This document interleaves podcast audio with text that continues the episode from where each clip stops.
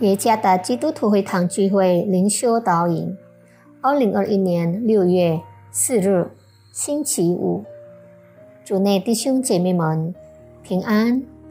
今天的灵修导引，我们会借着圣经《使徒行传》第八章第四节到第八节来思想今天的主题：在主里的喜乐。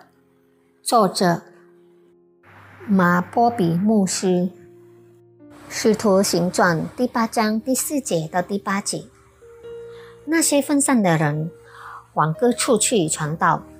腓力下撒玛利亚城去宣讲基督，众人听见了，又看见腓力所行的神迹，就同心合意的听从他的话。因为有许多人被污鬼附着，那些鬼大声呼叫，从他们身上出来，还有许多瘫痪的。缺腿的都得了医治，在那城里就大有欢喜。主耶稣说：“我告诉你们，一个罪人悔改，在神的使者面前也是这样为他欢喜。”路加福音第十五章第十节。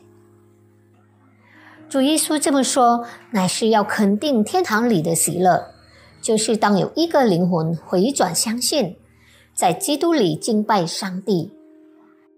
当扫罗与宗教领袖们进行压力和逼迫，也让信徒们分散到各处区域传扬福音。腓力乃是一位有生灵充满的人，他到了撒玛利亚一个城里，向众人宣讲基督的福音。众人听见了，又看见腓力所行的奇妙神迹，圣灵便使多人相信主耶稣。各种神迹发生在那里，比如许多被鬼附的人得着释放，瘫痪的、瘸腿的都得到痊愈，向迷失的灵魂传福音，不要依赖环境和情势。提摩太后书第四章第二节，勿要传道，无论得时不得时。腓力和其他主耶稣的门徒也有同样的经历，他们当时是处在逼迫信徒的时期中，然而并不停止传扬福音。逼迫并不是一堵拦阻传扬福音的墙，他们如此汹涌与充满喜乐传扬好消息，有属天的喜乐存在他们的生命中。属天的喜乐是由神在信徒内在的生命中显明出来，包括也显明在我们的里面。